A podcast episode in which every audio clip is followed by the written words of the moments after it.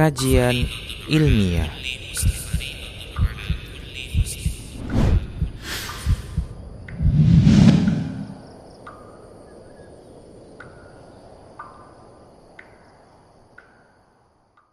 Assalamualaikum warahmatullahi wabarakatuh. Alhamdulillah.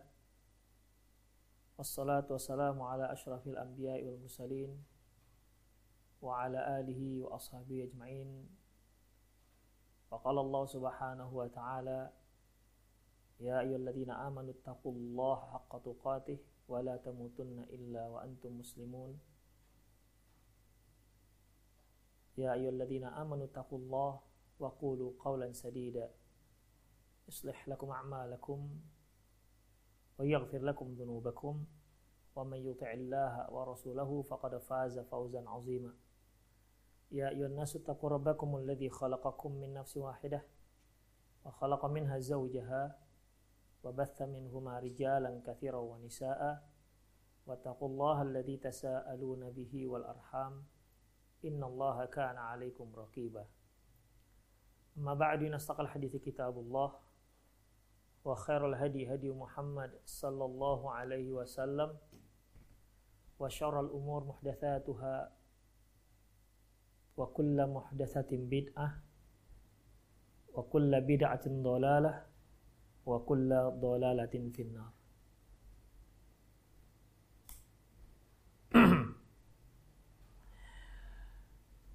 Para pemirsa Rosat TV dan pendengar Radio Medan Mengaji di mana pun Anda berada uh, Pada sore hari ini kita kembali membahas sunnah-sunnah harian. Yang kali ini kita akan bahas sunnah dalam bertamu. Yang pertama yaitu akan kita bahas bagaimana aturan dalam meminta izin ketika kita bertamu. Ada beberapa yang harus kita perhatikan. Di saat kita datang untuk bertamu apakah ke rumah rekan kita, family kita atau siapa pun dia. Intinya ya ketika kita akan memasuki rumah seseorang yang bukan rumah kita, maka kita wajib untuk minta izin. Sebagaimana firman Allah Subhanahu wa taala dalam surat Nur ayat 27, "Ya ayyuhalladzina amanu la tadkhulu buyutan ghaira buyutikum hatta tasta'dzinu wa tusallimu ala ahliha." Wahai orang yang beriman, janganlah engkau memasuki rumah yang bukan rumah kamu sampai engkau minta izin dan mengucapkan salam kepada penghuninya. Ada hal-hal yang penting untuk kita ingatkan dalam masalah ini. Yang pertama, ikhwah, yaitu ketika kita ingin meminta izin, kita harus perhatikan bagaimana posisi tubuh kita di mana posisi tubuh kita tidak boleh menghadap pintu. Ini dikarenakan di saat si penghuni rumah membuka pintunya, otomatis kita akan melihat ke isi rumah. Sementara isi rumah itu ada kaum perempuan yang mungkin pada saat itu ya kita tahu mereka tidak akan tutup auratnya dalam rumahnya sendiri tapi karena mata kita yang memang memang masuk sebelum diizinkan, maka ini satu hal yang dilarang dalam Islam. Karena melihat ke dalam rumah seseorang itu akan melihat aurat si penghuni rumahnya. Karena rumah tempat seorang yang membuka auratnya yang biasa terbuka dalam rumah.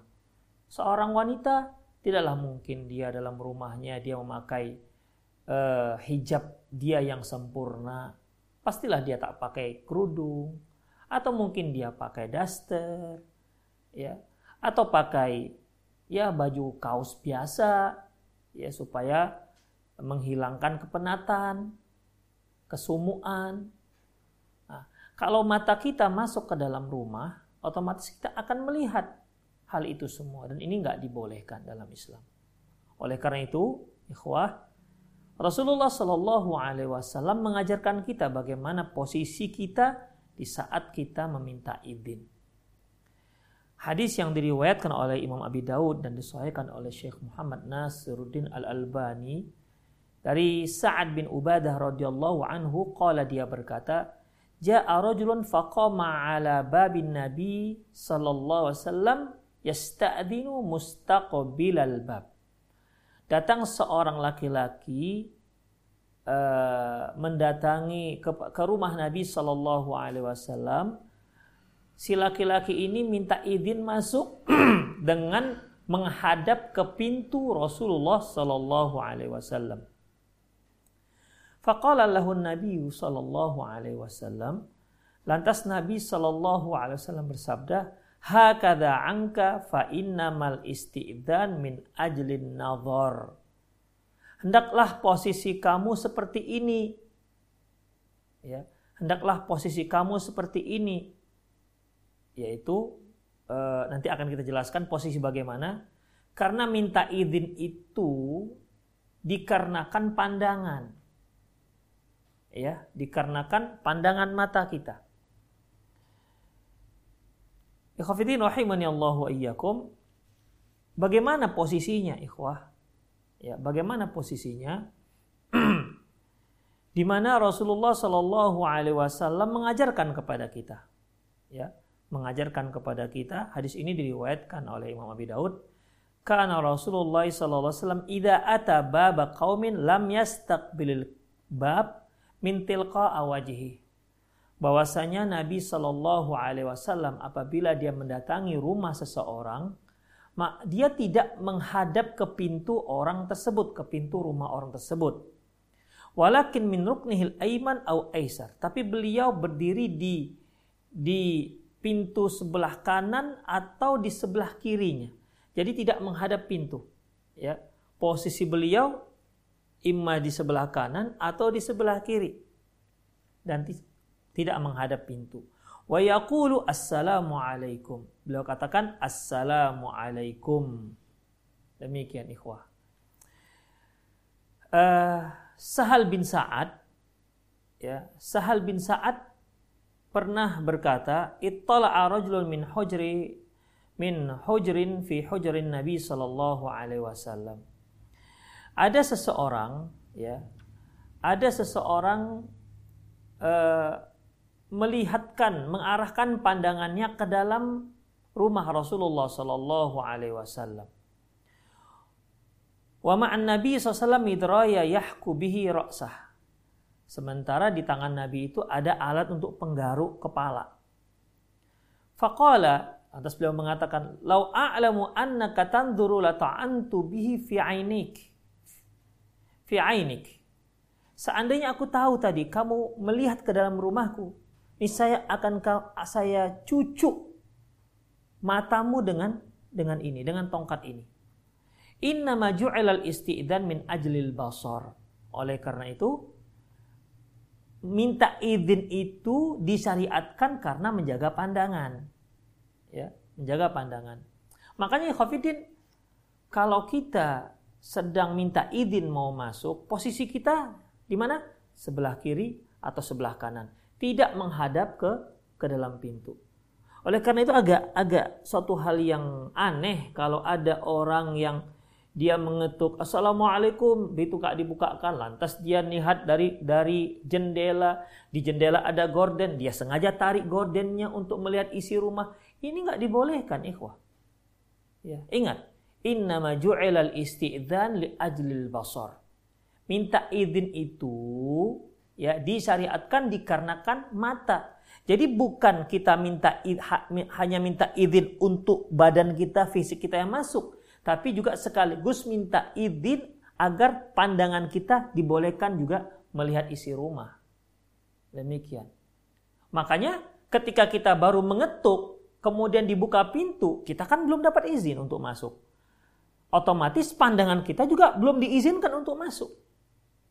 Ya, Ketika si penghuni rumah membuka pintu, otomatis kita akan melihat isi rumah, dalam rumah. Ah, memang kita belum masuk, tapi pandangan kita sudah sudah masuk. Pandangan kita itu yang sudah lebih dahulu masuk tanpa izin. Itulah hikmahnya mengapa kita berdiri di sebelah kanan pintu atau sebelah kiri pintu. Agar tidak masuk pandangan kita sebelum kita diberi izin untuk untuk masuk. Itulah ikhwafiddin pentingnya kita mempelajari sunnah Rasulullah Sallallahu ini. Dan memang luar biasa hikmahnya ikhwah. Ya, luar biasa hikmahnya. Bisa saja kan kita tidak tahu mungkin istri kita ketika kita buka pintu waktu itu istri kita sedang baru keluar dari dari kamar mandi misalnya hanya pakai handuk. Sementara biasa istri kita kalau keluar pakai jilbab, pakai cadar, Demikian. Kita tidak tahu ketika kita buka pintu, ternyata dia bersamaan dengan itu keluar dari kamar mandi misalnya. Sementara kalau keluar kamar mandi bisa terlihat dari dari pintu. Kalau pintu terbuka. Makanya ikhwah perlu uh, apa namanya? Kalau antum Allah mudahkan mendesain rumah ya. Desainlah dengan rumah ketika pintu tamu kita terbuka tidak terlihat isi rumah kita.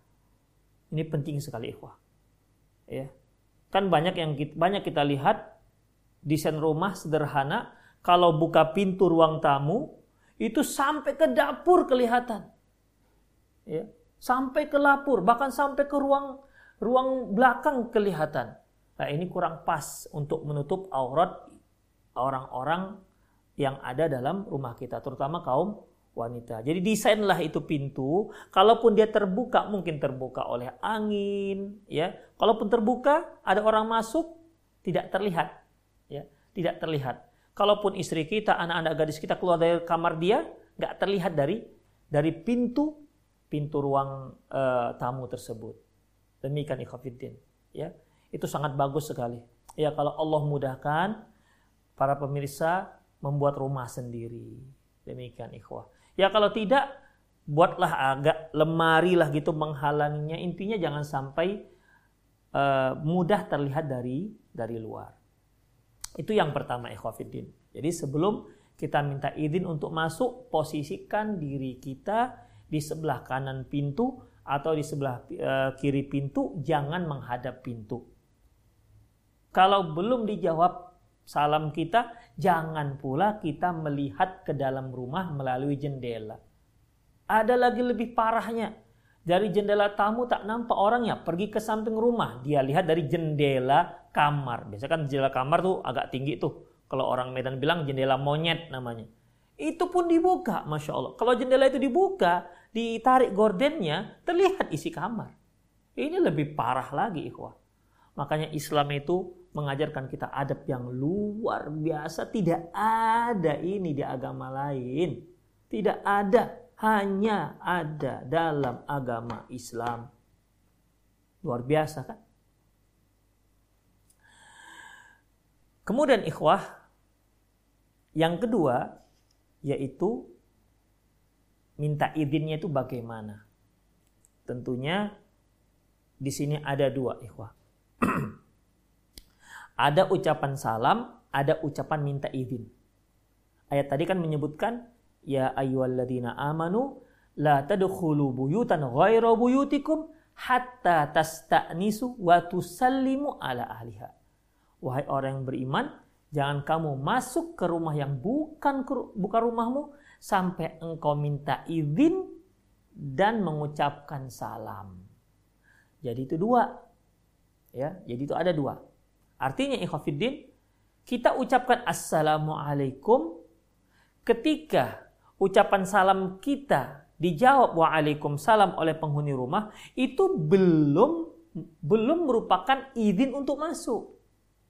Ya. Belum merupakan izin untuk masuk. Jadi dia ada dua. Ucapan salam, kemudian pengizinan untuk masuk ke dalam rumah. Itulah dia. Hatta tasta'dinu wa tusallimu ala ahliha.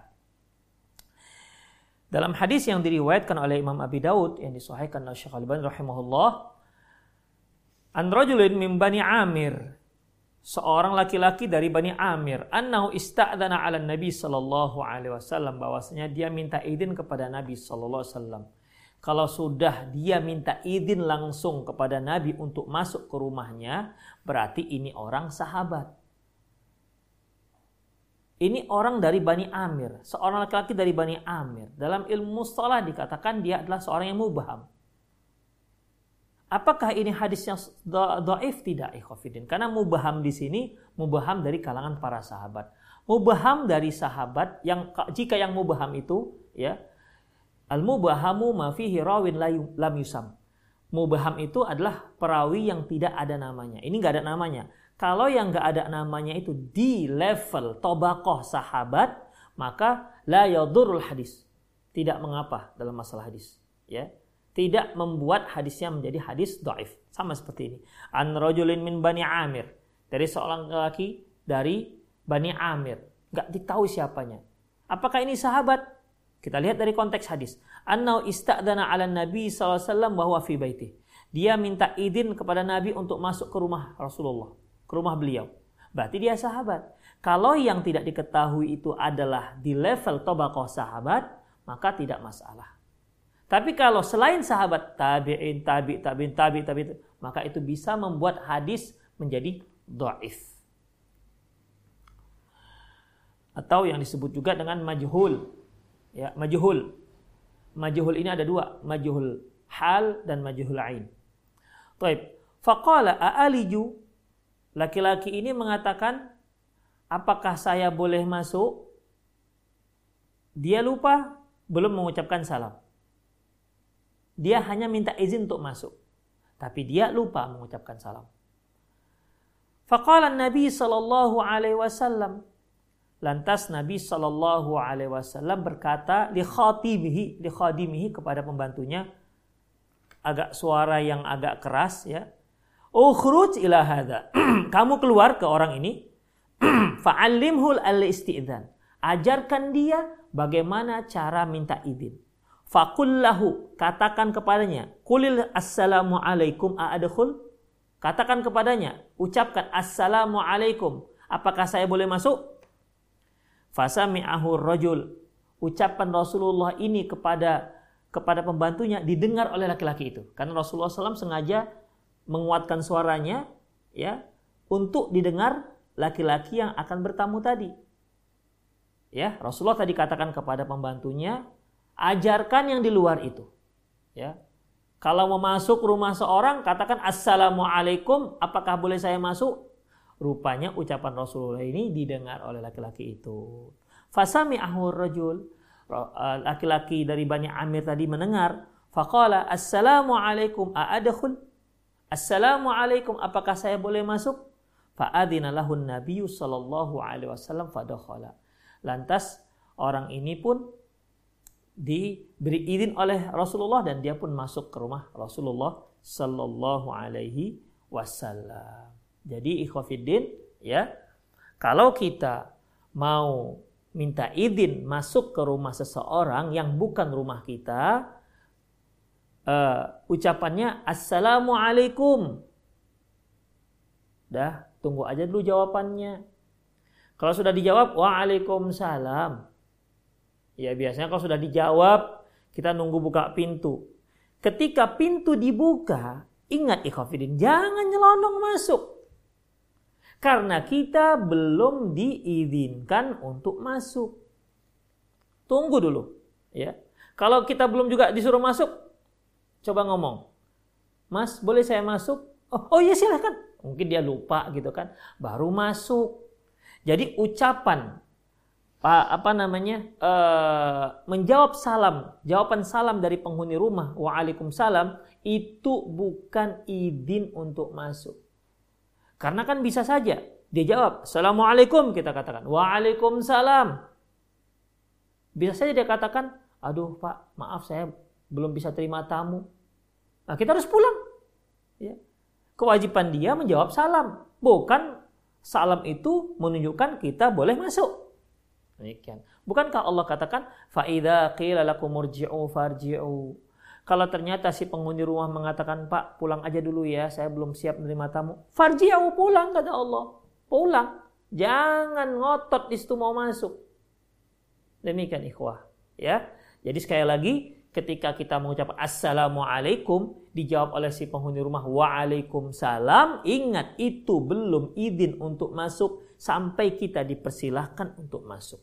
Atau kita tanya boleh saya masuk? Oh silahkan. Maka barulah kita boleh masuk. Ketika kita sudah sudah dipersilahkan masuk berarti memang rumah sudah steril dari hal-hal yang tidak diinginkan terlihat oleh orang luar. Demikian ikhwatiddin ya. Ya kalau kita nyelonong masuk, kita tidak tahu kadang-kadang uh, rumah itu berantakan, apalagi uh, penghuni rumah punya anak kecil, yang rumah itu jarang teratur. Punya anak kecil, laki-laki lagi, ya lasanya luar biasa. Ya siapalah penghuni rumah yang ingin ketika tamunya datang rumah berantakan. Pasti ya inginnya ketika tamu datang rumah rapi. Jangankan tamu ikhwafiddin. Jangankan tamu, suami yang baru pulang pun inginnya ketika dia pulang rumah rapi. Demikian. Apalagi orang lain. Oleh karena itu ketika kita disuruh silakan masuk, berarti memang rumah sudah siap untuk di, dimasuki kita. Demikian. Kadang-kadang kan begini kan, kita kita ucapkan salam, Assalamualaikum. Waalaikumsalam. Udah ada jawaban dari rumah. Sebentar ya Pak. Nah, berarti dia sedang menyiapkan rumah. Ya mungkin di situ ada ada yang berantakan, ada yang apa, yang intinya dia tidak ingin orang lain melihat kondisi rumah dia pada saat itu. Sebentar ya, nah, begitu. Mungkin rumahnya yang belum siap, atau mungkin dianya yang belum siap untuk menerima tamu. Mungkin dia cuci muka dulu, ah, begitu ya. Jadi itulah dia. Makanya ada dua di situ, ucapan salam dan ucapan ucapan a'adkhul. Makanya ikhwah, ya sebagian ulama ada yang mengatakan sebagaimana ucapan salam itu pakai bahasa Arab, assalamualaikum, maka ucapan minta izin juga disunahkan pakai bahasa Arab, a'adkhul. Itu dia. Hatta tusallimu, hatta tasta'dinu, wa tusallimu ala ahliha sampai engkau minta izin dan ucapkan salam. Ucapan salam sudah diatur oleh Rasulullah SAW. Pakai bahasa Arab, Assalamualaikum. Kalau dia mengucapkan salam lebih sempurna akan lebih baik sebagaimana yang sudah kita pelajari ketika uh, kita belajar sunnah-sunnah ketika kita bertemu. Baik. Demikian juga ucapan minta izin, a'adakhul. Sebagian ulama mensunnahkan untuk memakai bahasa Arab sebagaimana ucapan salam memakai bahasa Arab. Itu yang paling afdol. Kita masuk. Assalamualaikum. Adkhul. Assalamualaikum. Adkhul. A pertama itu hamzah istifham. Adkhul alif mudoro'ah. Jadi saya boleh masuk. Assalamualaikum. Adkhul. Boleh saya masuk? Demikian. Tapi kan tentunya kalau kita uh, memakai bahasa Arab, nggak semua orang yang memahami apa yang kita ucapkan. Ya. Oleh karena itu sebagian ulama lain mengatakan tidak harus. Tidak harus silahkan pakai bahasa apa saja selama bahasa tersebut difahami oleh difahami oleh si penghuni rumah. Iya mau dia pakai bahasa Padang, mau dia pakai bahasa Arab, mau dia pakai bahasa Aceh, mau dia pakai bahasa Jawa, silahkan. Ya, tidak ada masalah. Asalkan bahasa tersebut bisa difahami oleh si penghuni rumah bahwasanya kita sedang minta izin untuk masuk ke rumah dia. Demikian. Ada satu kisah ikhwah. Ya, ada satu kisah di mana ada seorang sahabat kalau dia mau minta izin untuk masuk, dia katakan Assalamualaikum. Anadrawardi. Anadrawardi, dia pakai bahasa dia. Apakah saya boleh masuk? Itu artinya. Sehingga orang-orang uh, melakopi, melakopi dia, memberikan dia julukan Adrawardi. Karena ketika dia mau masuk rumah selalu mengatakan Anadrawardi, Anadrawardi begitu. Maka orang-orang pun mengatakan dia Adrawardi. Artinya kan bahasa yang eh, bahasa daerah dia. Nah, demikian ikhwatifidin rahimani Allahu wa iyyakum. Pernah juga uh, Ummul Miskin binti Asim bin Umar bin Khattab di mana ada seorang masuk mau minta izin ke ke rumahnya dia katakan anadrayam qalat anadrun saya juga nggak tahu ini apa artinya bahasa apa. Tapi intinya yaitu yang rojih bahwasanya untuk ucapan salam kita pakai bahasa Arab. Nggak boleh diterjemah ya. Pakai bahasa Arab karena itu merupakan bahasa uh, ucapan selamat yang sudah Allah ajarkan mulai dari Nabi Adam. Ketika Allah Subhanahu wa taala menciptakan Nabi Adam, lantas Nabi Adam bersin dan mengucapkan alhamdulillah, Allah mengatakan yarhamukallah, lantas Allah suruh Adam, Adam pergi ke tempat malaikat-malaikat itu dan ucapkan salam. Kemudian Nabi Adam datang dan mengucapkan assalamualaikum. Malaikat mengatakan waalaikumsalam. Lantas Allah katakan inilah ucapan ucapan selamat untukmu dan untuk anak cucumu. Jadi ini ucapan assalamualaikum ini ucapan sejak di surga Allah ajarkan kepada manusia. Jangan ditukar-tukar dengan yang lain. Jangan usah ditukar-tukar salom-salom tahap apalah, ya. Ya. Jangan tukar karena itu bahasa sudah baku sejak ayahanda kita Adam alaihissalam di dalam surga. Ini sudah kita bahas pada kajian yang lalu. Asal usul ucapan Assalamualaikum. Kemudian ikhwatibidin rahimani Allah wa iyyakum. Baik. Kita sudah ucapkan salam, kita sudah minta izin. Nah, ada satu hal. E, sebenarnya ucapan minta izin dahulu ataukah ucapan salam? Karena kan ayat mengatakan Ya ayyuhalladzina amanu la tadkhulu buyutan ghaira buyutikum. Wahai orang yang beriman, janganlah kamu memasuki rumah yang bukan rumahmu hatta tasta'dinu. Ingat, hatta tasta'dinu sampai engkau minta izin wa tusallimu ala ala ahliha dan mengucapkan salam. Zohirnya ayat menyebutkan minta izin dulu baru salam. Ya kalau kita katakan uh, adkhul assalamualaikum terbalik jadinya. Ya. Jadi ini bagaimana? Ikhwah, Al-Quran itu ditafsirkan oleh hadis Rasulullah Sallallahu Alaihi Wasallam. Tadi kan Rasulullah sudah mengajarkan seorang dari Bani Amir, ya, di mana dia mengajarkan Assalamualaikum adkhul. Assalamualaikum, apakah saya boleh masuk? Berarti ini praktek daripada ayat tadi, yaitu surat An-Nur tadi. Ya, surat Surat An-Nur ayat 27 tadi. Demikian. Lantas gimana dengan ayat? Kok berbeda dengan ayat? Para ulama mengatakan bahwasanya hatta tasta'nisu wa tusallimu ala ahliha. Di situ ada huruf waw atof. Waw atof ini la yufidu at-tartib. Bukan untuk menunjukkan urutan. Ya, waw atof yang tidak menunjukkan urutan. Makanya cocok dengan hadis Rasulullah Sallallahu Alaihi Wasallam yang mentafsirkan ayat tersebut, yang mempraktekkan ayat tersebut. Selanjutnya ikhwah, rahimani Allah wa iyyakum. Kalau yang si penghuni rumah bertanya kepada kita, man siapa di luar? Maka kita harus menyebutkan identitas. Sama seperti kemarin yang kita mempelajari sunnah-sunnah menggunakan HP. Ya. Ketika kita telepon seseorang, Assalamualaikum, Waalaikumsalam. Orang yang kita telepon bertanya, siapa ya Pak? Kita jawab, jawabkan. Kita jawab siapa kita. Sebutkan nama kita. Jangan ucapkan saya. Sama nih seperti ini ikhwafiddin. Kalau ternyata penghuni rumah mengatakan, siapa Pak ya? Siapa ya di luar? Ya, maka kita sebutkan identitas kita. Jangan ucapan saya loh, masa nggak tahu sih, masa nggak nggak masa nggak ingat dengan suara saya, masa jangan. Ya, sebutkan saja siapa, siapa nama anda sebutkan. Kalau dia belum jelas, mungkin namanya Abdullah, Abdullah banyak di kampungnya. Mungkin suaranya juga hampir sama.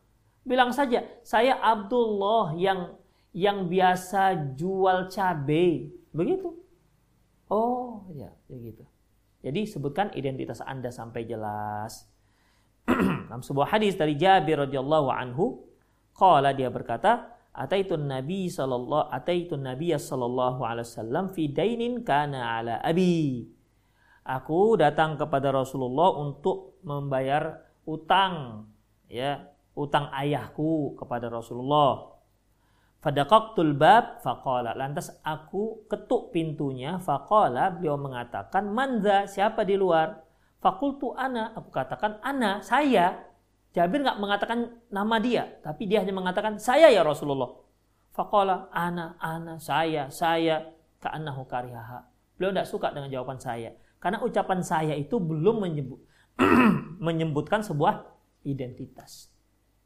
Ya, jawaban saya belum menyebutkan menunjukkan sebuah identitas. Baik. Uh, dalam hadis yang lain dari Buraidah, anna Nabiya sallallahu alaihi wasallam atal masjid wa Abu Musa yaqra'u. Nabi sallallahu alaihi wasallam datang ke masjid saat itu Abu Musa sedang Abu Musa sedang membaca Al-Quran. Faqala Man hadha? Lantas Rasulullah bertanya, siapa ini? Qala ana Buraidah. Ya, Buraidah mengatakan saya Buraidah ya Rasulullah. Jadi sebutkan nama. Demikian juga Ummu Hani. Ya, Ummu Hani. Ummu Hani radhiyallahu anha datang mengunjungi Nabi sallallahu alaihi wasallam. Jitun Nabi sallallahu alaihi wasallam. Aku mendatangi Nabi sallallahu alaihi wasallam. Faqalat fakul fakultu Rasul aku ber, aku berkata artinya Rasul bertanya kepada beliau siapa di luar fakultu anak umuhani saya adalah umuhani jadi kita menyebutkan nama kita, identitas kita ketika si penghuni rumah men, e, bertanya siapa di luar. Jangan menjawab saya dan jangan marah. Ya, jangan marah. Kemudian ikhwah, Qala Ali bin Asim. Ali bin Asim pernah berkata, Qadimtul Basrah fa'ataitu manzil syu'bah. Aku datang ke kota Basrah dan aku uh, berkunjung ke rumah Syu'bah. Syu'bah seorang ulama yang terkenal pada waktu itu. Fadaqaqtu alaihi bab. Lantas ku ketuk pintu rumahnya. Faqala man hadha? Lantas Syu'bah rahimahullah bertanya, siapa di luar? Kultu ana. Aku katakan, saya. Faqala. Ya hadha mali sadiqin yuqaluh ana. Hei, enggak aku tak punya kawan yang namanya si ana. Aku enggak punya kawan yang namanya si saya. Itu sebagai pernyataan protesnya Syu'bah terhadap orang yang di luar. Yang datang tadi kan Ali bin Asim.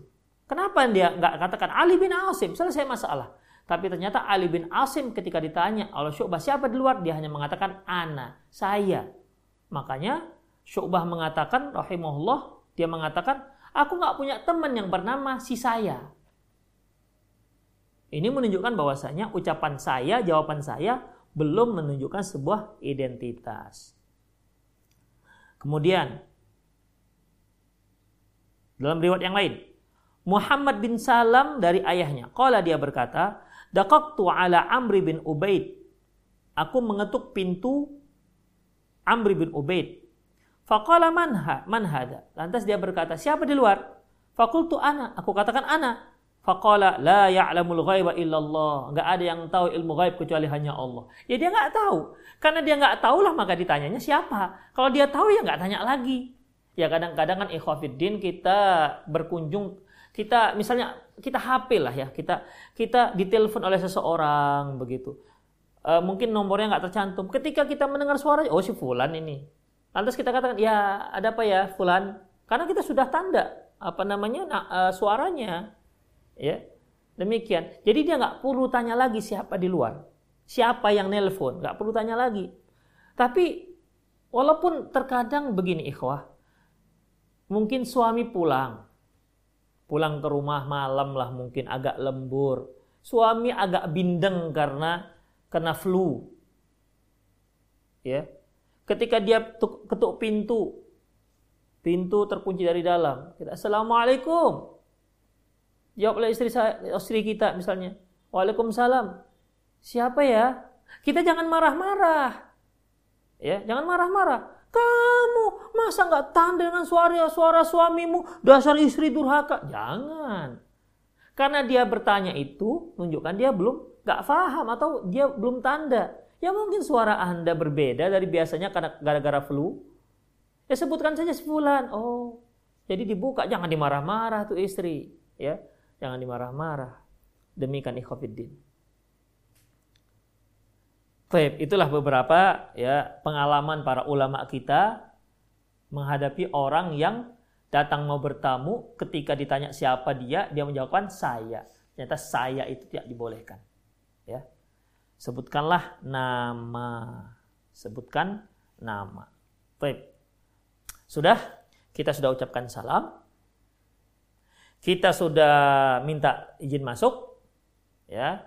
Kemudian penghuni rumah bertanya kalau dia bertanya siapa kita jawab dengan dengan apa namanya dengan uh, identitas kita. Baik. Terkadang kita butuh untuk mengetuk pintu. Ya. Apakah disunahkan mengetuk pintu? Ya. Disunahkan untuk mengetuk pintu atau yang mewakilinya. Seperti bel, ya. Bel Mengenai sunnah mengetuk pintu, ini sudah kita bacakan tadi hadis dari Jabir. Dia kan tadi mengatakan, aku datang ke rumah Rasulullah membawa hutang ayahku. Fadaqaqtul bab. Lantas aku ketuk pintu Rasulullah Shallallahu Alaihi Wasallam. Nah, kali ini kita akan mempelajari bagaimana cara ngetuk pintu dan bagaimana para sahabat mengutuk pintu Rasulullah SAW. Apakah bawa batu, assalamualaikum, gludak, gludak, gludak, begitu? Ya, atau bagaimana? Ya tentunya ikhwafidin karena kita mau bertamu, sopanlah dalam mengetuk pintu. Kita lihat bagaimana para sahabat mengetuk pintu Rasulullah Sallallahu Alaihi Wasallam. Qala Anas bin Malik, Inna abwaba Rasulillah Sallallahu Alaihi Wasallam kana tuqra'u bil azafir. Bahwasanya pintu Rasulullah SAW diketuk dengan kuku. Hmm. Ya kalau kita bahasa gini lah, nah, gini kira-kira. Nah, diketuk pakai kuku bukan pakai tinju ya, kayak kuku. Menunjukkan apa? Begitulah lembutnya dalam mengetuk pintu. Demikian. Ya, terkadang di pintu itu ada ada seperti pendulum gitu yang digunakan untuk untuk pintu. Ya, artinya kita agak-agak lah ketuk pintu rumah orang. Ya, di agak-agak. Jangan sampai si penghuni rumah itu khawatir pintunya rusak gara-gara kita ya. Ada seorang penulis syekh ya, dia menulis buku Isyaratu il Ahkamil Isti'dan wa Adamu Ziyarah. Nama syekhnya Ibrahim bin Fathi bin Abdi Al-Muqtadir. Di mana Ikhafiddin penyebab dia menuliskan buku. Buku ini sudah diterjemah ya.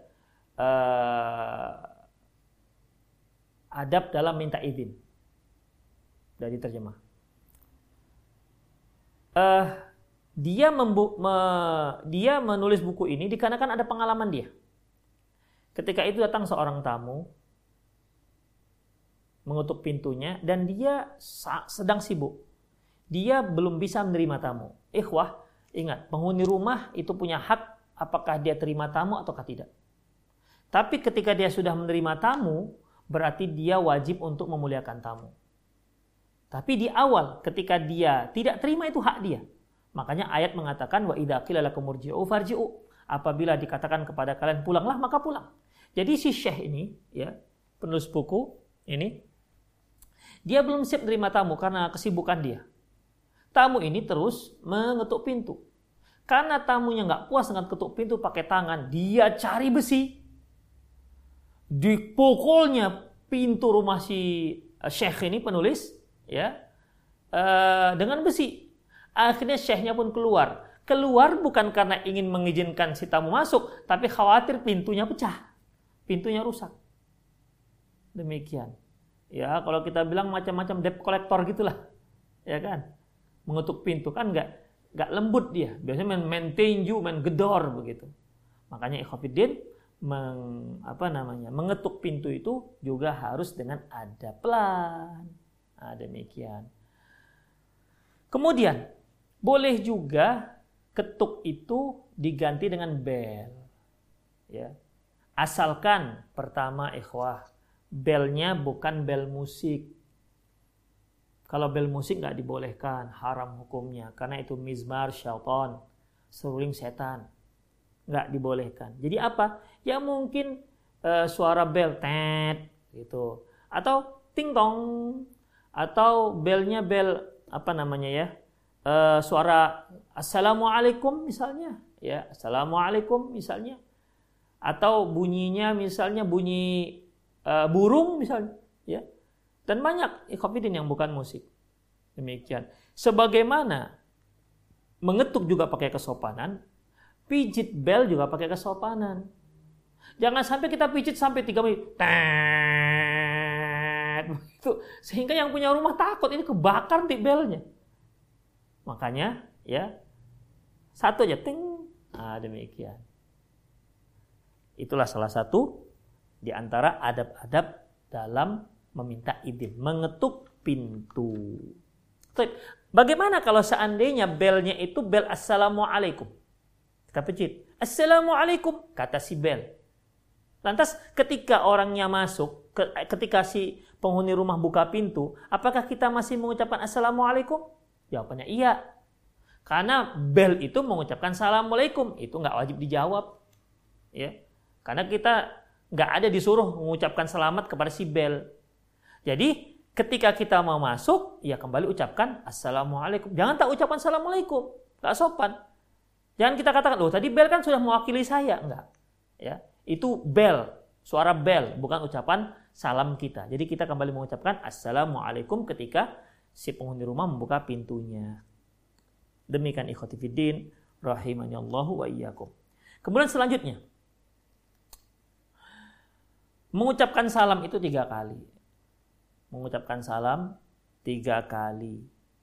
Kalau tiga kali nggak dijawab, pulang. Ya, tiga kali nggak dijawab, pulang. Apa dalilnya ikhafidin rahimani Allah wa iyyakum yaitu hadis yang diriwayatkan oleh Imam Bukhari dari Abi Said Al-Khudri radhiyallahu anhu qala dia berkata kuntu fi majlisi min majlisil ansar Ketika itu aku berada di majelis orang-orang Ansor. Idja Abu Musa wa ka'annahu mad'ur. Tiba-tiba datanglah Abu Musa yang terlihat wajahnya sedang kalut. Faqala, dia berkata, Ista'dantu ala Umar salasan falam yuk falam dan li. Faraja'tu. Dia berkata, tadi aku minta izin mau masuk ke rumah Umar, tapi sayangnya aku nggak dikasih izin. Mungkin karena nggak dikasih izin itu maka wajahnya agak agak aneh gitu. Jadi kalut. Kenapa ya saya nggak dikasih izin? Nah, begitu. Faraja itu maka aku balik. Sudah tiga kali. Ya. Faqala ma mana'ak. Lantas dia berkata, apa yang menghalangimu? Artinya begini, ikhwafiddin. Pada hari setelah itu, ya, Umar bertanya kepada kepada Abu Musa al-Ash'ari. Umar bertanya kepada Abu Musa al-Ash'ari. Saya mendengar kamu ucapkan salam tiga kali. Lantas kenapa pergi? Kenapa nggak jadi datang, nggak jadi masuk? Fakultu, aku katakan, kata Abu Musa al-Ash'ari, Ista'dantu salasan falam yu'dan li faraja'tu. Ya tadi aku sudah minta izin tiga kali, ternyata belum dapat izin, aku pulang. Kenapa? Wa qala Rasulullah sallallahu alaihi wasallam karena Rasulullah sallallahu alaihi wasallam bersabda, "Idza sta'dana ahadukum thalathan falam yu'dan lahu falyarji'." Apabila salah seorang kalian minta izin tiga kali belum juga dapat izin, maka hendaklah dia pulang, balik. Jangan ngotot sampai tujuh kali, sepuluh kali. Assalamualaikum. Assalamualaikum. Assalamualaikum. Tidak usah. Ya. Demikian. Cukup tiga kali. Assalamualaikum. Nah, tenang dulu. Assalamualaikum. Nah, begitu. Sampai tiga kali. Ya. Kemudian ikhwatifidin rahimani Allahu wa iyyakum. Selanjutnya yaitu uh, yang juga perlu untuk kita ketahui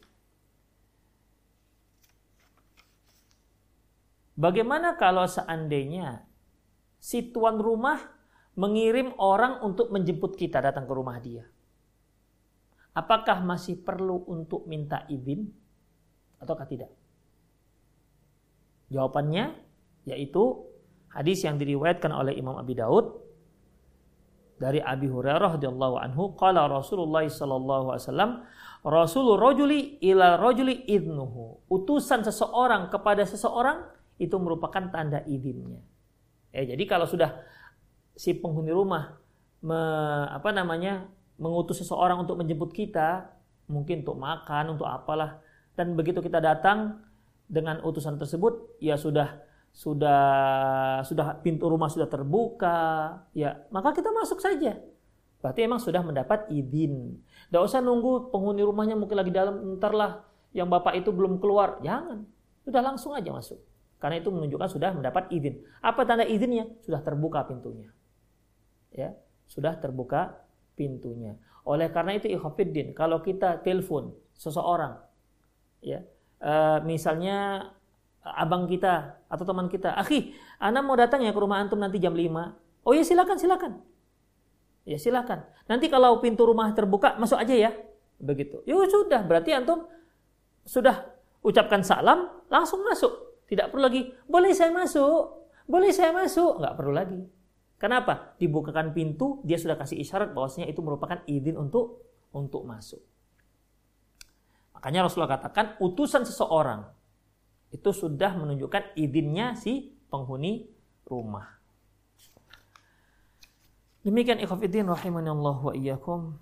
Uh, saya kira itu sajalah yang terkait dengan masalah minta izin. Ya, itu masih minta izin. Kita belum masuk ke rumah loh nih. Masih sunnah minta izin. Saya ulangi. Pertama, kita menghadapnya jangan ke pintu tapi posisi berdiri di sebelah kanan pintu atau di sebelah kiri pintu. Kemudian kita mengucapkan salam. Kemudian kita juga mengucapkan minta izin. Ya, minta izin. Kemudian kita juga disunahkan mengetuk pintu dengan ketukan yang yang lembut, jangan sampai mengkhawatirkan si penghuni rumah pintunya rusak. Kemudian ikhafiddin rahimani Allah wa iyyakum ketika kita disilakan masuk barulah masuk. Ya. Ketika kita disilakan masuk barulah kemudian kita boleh boleh masuk. Kalau seandainya kita dijemput oleh utusan si penghuni rumah, cukup kita mengucapkan salam langsung masuk ke dalam dalam rumah. Sepertinya itu sajalah yang terkait dengan masalah minta izin ya. Insyaallah besok kita akan bahas ketika kita masuk ke dalam rumah orang tersebut apa saja yang harus kita perhatikan. Apakah kita langsung masuk, masuk, duduk, atau bagaimana? Atau nengok-nengok dulu isi rumah atau bagaimana? Itu insya Allah akan akan kita bahas pada kajian besok. Insya Allah. Demikian ikhwafiddin, para pemirsa sekalian. Ya, semoga bermanfaat. Aku lu qauli hadza wa li wa lakum muslimin innahu wal ghafur rahim. Bagi ikhwah yang ingin bertanya, para pemirsa Orasat TV dan pendengar radio Medan Mengaji di mana pun Anda berada, yang ingin bertanya silakan kirimkan pertanyaan Anda di pesan singkat 0895 6113 27778 0895 6113 2 tujuh, tujuh, tujuh, delapan. Tujuhnya tiga kali. Baik, Alhamdulillah sudah ada yang masuk. Bentar.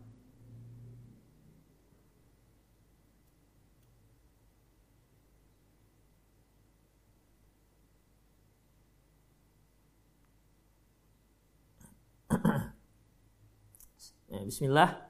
Ustadz, saya tinggal di daerah Medan Johor dan sudah masuk zona merah akan tapi sholat id tetap akan diselenggarakan di masjid depan rumah. Mohon nasihat, apakah saya sholat id di rumah saja atau tetap di masjid? Ya pemerintah kita sudah memberikan aba-aba. MUI juga sudah memberikan aba-aba bagi daerah yang berada di zona merah. Hendaklah melakukan sholat id di rumahnya. Ya, hendaklah melakukan sholat id di rumahnya. Dalam masalah ini kita di uh, diberi keringanan yang seharusnya masyarakat sholat di, di daerah zona merah seharusnya mereka meng, jangan meng, apa namanya mengindah apa namanya seharusnya mereka memperhatikan himbauan himbauan dari pemerintah tersebut. Seharusnya begitu dan itu wajib mereka lakukan. Ini juga himbauan Menteri Agama dari MUI juga sudah memberikan himbauan-himbauan seperti itu. Oleh karena itu, ikhwafiddin tujuannya untuk memutus mata rantai penyebaran COVID-19 tersebut. Ya kita tidak tahu, kita tidak tahu apakah di antara jamaah tersebut ada yang terpapar COVID apakah tidak karena memang masalah mereka yang carrier yang membawa uh, virus ini tidak ada yang kuat sehingga tidak memberikan me, me, me, menunjukkan gejala-gejalanya tapi kalau dia menularkan kepada orang yang lebih lemah imunnya dibandingkan dirinya itu bisa terpapar dan bisa berbahaya untuk kesehatan orang tersebut jadi uh, himbau kepada ikhwah yang berada di daerah zona merah, sholatlah di rumah masing-masing sholat idnya. Yaitu dua rakaat, rakaat pertama tujuh takbir selain takbiratul ihram, rakaat kedua lima takbir selain takbir di saat mau berdiri dari rakaat pertama ke rakaat kedua. Adapun khutbah para ulama berbeda pendapat tentang masalah itu. Apakah memang harus ada khutbah atau tidak? Yang rojih Allahu alam bisawab tidak harus ada khutbah. Karena khutbah jum, khutbah id itu hukumnya sunnah. Ya, hukumnya sunnah. Demikian juga fatwa dari uh, Imam Malik rahimahullah ya mereka yang sholat id di rumah tidak perlu memakai khutbah. Allahu alam bisawab.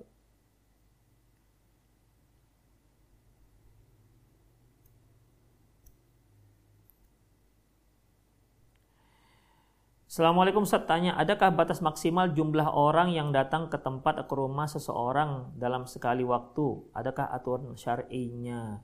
Allahu alam sepengetahuan saya itu tidak ada. Tergantung sesanggup kita. Sesanggup kita. Ya, janji kita, janji yang datang ke rumah kita berapa orang? Ya tentunya ikhafiddin, sebelum kita datang ke rumah seseorang, kalau kita nggak punya janji, Ya, kalau kita tidak punya janji, maka resikonya apa? Ya bisa kita datang tapi tidak dapat izin untuk masuk. Bisa seperti itu. Demikian. Tapi kalau kita sudah janji, kita bisa informasikan kepada si penghuni rumah. Saya mau ke rumah antum ini.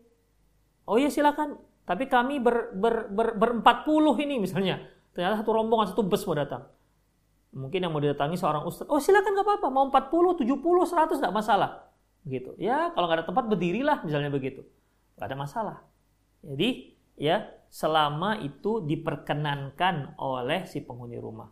Kita tiba-tiba datang berempat puluh, kata penghuni rumah, aduh saya nggak bisa nerima semua, saya bisa hanya nerima lima. Ya udah lima masuk, yang sisanya keluar, sisanya pulang.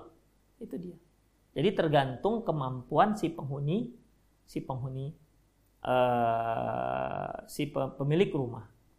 Demikian ikhafidin rahim. Allah wa iyyakum. Jadi tidak ada tidak ada batasan. Allahu alam bisawab.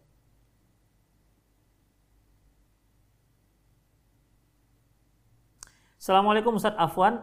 Mau bertanya ini dari Maluku Utara, Kabupaten Haltim, Desa Wokajaya. Bagaimana dengan di tempat saya? Kebiasaan orang di sini kalau bertamu langsung masuk.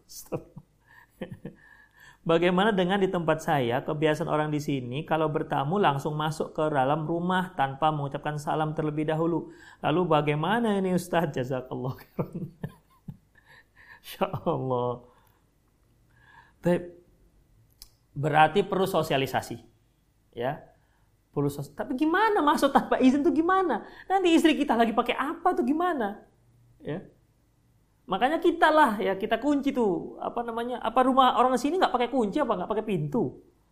Tapi begitulah uh, untuk menerapkannya, oke okay lah memang begitulah kondisi masyarakatnya yang nggak pakai izin, berarti ya kita perlu sosialisasi.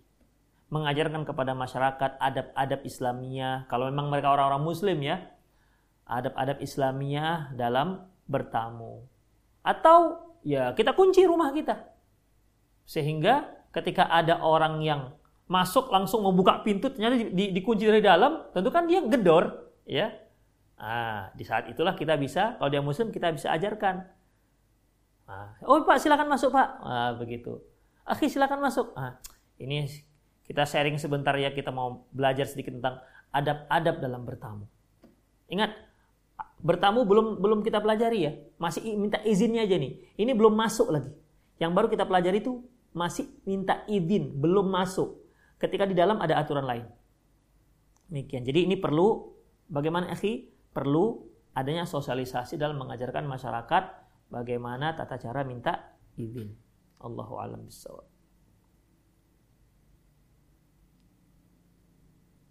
Assalamualaikum Ustadz. Kita harus saling memaafkan jika ada yang berbuat salah. Lalu bagaimana sikap kita terhadap orang yang zolim? Dan yang sering mencaci namun tak pernah minta maaf kejadiannya sudah berulang kali. Bagaimana mensikapinya karena dia belum ber, lebih berumur sedang eh, SGR SRG ana sudah sudah se, SRG ini apa ya? Sudah adalah sudah ana maafin walau tidak pernah minta maaf. Namun kejadiannya malah mohon mal, kejadian lagi. Mohon nasihatnya agar ikhlas. Barakallahu fik. Ikhwafiddin memang mem memaafkan manusia itu tidak semudah mengucapkannya. Ya. tidak semudah mengucapkannya. Karena Allah Subhanahu wa taala mengatakan wala afina 'anin nas. Mereka yang selalu memaafkan orang lain. Ikhwah karena ini merupakan karakter yang luar biasa mulianya, ya, maka karakter seperti ini harus kita biasakan dalam kehidupan kita. Sering memberikan maaf.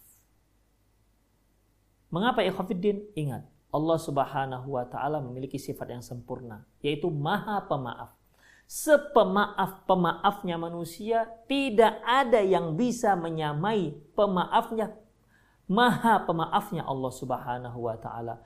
Ghafurur Rahim, Tawwabur Rahim. Itulah Allah Subhanahu wa taala. Oleh karena itu, mereka yang pemaaf adalah orang yang akan mendapat kemaafan dari Allah Subhanahu wa taala. Karena apa? Al jaza ma'al jinsil amal. Sesungguhnya pahala itu sesuai dengan balasan amalan yang dilakukan. Kalau dia senang memaafkan orang lain, apa namanya eh, lapang dadanya memaafkan orang lain, ya maka Allah pasti juga akan memaafkan dosa-dosa dia. Demikian ikhwatiddin. Karena al jaza ma'al jinsil amal. Balasan sesuai dengan amalan seseorang. Namun bagaimana kalau dia kita maafkan ulang lagi, maafkan ulang lagi, ya maafkan terus, maafkan terus. Sebagaimana Allah Subhanahu wa taala juga Maha Pemaaf. Memaafkan terus, maafkan terus. Hari ini kita salah, besok kita salah. Pagi kita salah, siang istighfar, sore salah lagi, malam istighfar, salah lagi bagi, istighfar lagi, Allah maafkan lagi, Allah maafkan lagi, Allah maafkan lagi. Kita juga seperti itu. Kita maafkan, maafkan, maafkan, maafkan, maafkan, maafkan. Demikian ikhwafiddin. Pernah Rasulullah Shallallahu Alaihi Wasallam Ditanya, Ya Rasulullah berapa kali saya memaafkan pembantu saya dalam satu hari? Beliau katakan 70 kali. Insya Allah kan. Pembantu mana yang tuh salahnya satu hari 70 kali? Ya kan? Saya kira kalau pembantu kita tiga kali satu hari, macam makan obat, lima hari sudah kita pecat. Ini satu hari 70 kali kata Rasulullah. Insya Allah ya. Adab Islam itu kamu maafkan dia satu hari tujuh puluh kali. Jadi semakin kita memaafkan, semakin kita maafkan maka semakin afdol. Tapi, tapi Ustadz ini lah kumat lagi, salah lagi, kita maafkan lagi. Masa kita maafkan terus? Ya, kita maafkan terus. Jadi sabar, ya harus sabar. Memang sabar tidak ada batasnya. Ya. Sabar memang tidak ada batasnya. Kalau ada batas, nggak sabar namanya. Demikian. Makanya karena sabar itu nggak ada batasnya, pahalanya juga nggak ada batas. Innama yuwaffas sabiruna ajrahum bighairi hisab. Sungguhnya orang-orang sabar itu diberi pahala dengan tanpa tanpa batas. Baik, itu yang terafdal. Gimana kalau akhirnya saya nggak bisa memaafkan? Itu hak Anda. Hak antum. Kalau memang antum nggak memaafkan. Berarti gimana? Nanti di hari akhirat diperhitungkan jika antum tidak memaafkan.